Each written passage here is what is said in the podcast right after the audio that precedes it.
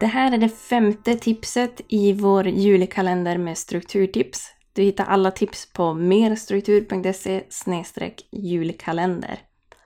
Och det här femte tipset är Tänk på ditt framtida jag.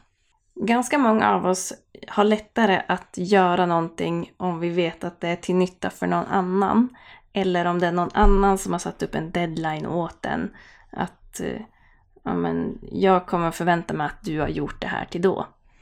Men ett litet knep är att fundera på hur skulle mitt framtida jag vilja ha det? Skulle jag vilja ha det här gjort när det blir helg? Skulle jag vilja slippa det här imorgon? Om ja, gör det nu. För ditt framtida jag är ju också du, så du kan ju försöka underlätta för dig själv med att göra vad du kan redan idag. Så det kanske är att du på kvällen innan lägger fram det du behöver till imorgon. Du kanske gör matlådor till nästa dag. Du kanske gör bort den där uppgiften som egentligen bara tar en minut att göra men som känns lite jobbig att göra. Men tänk på ditt framtida jag.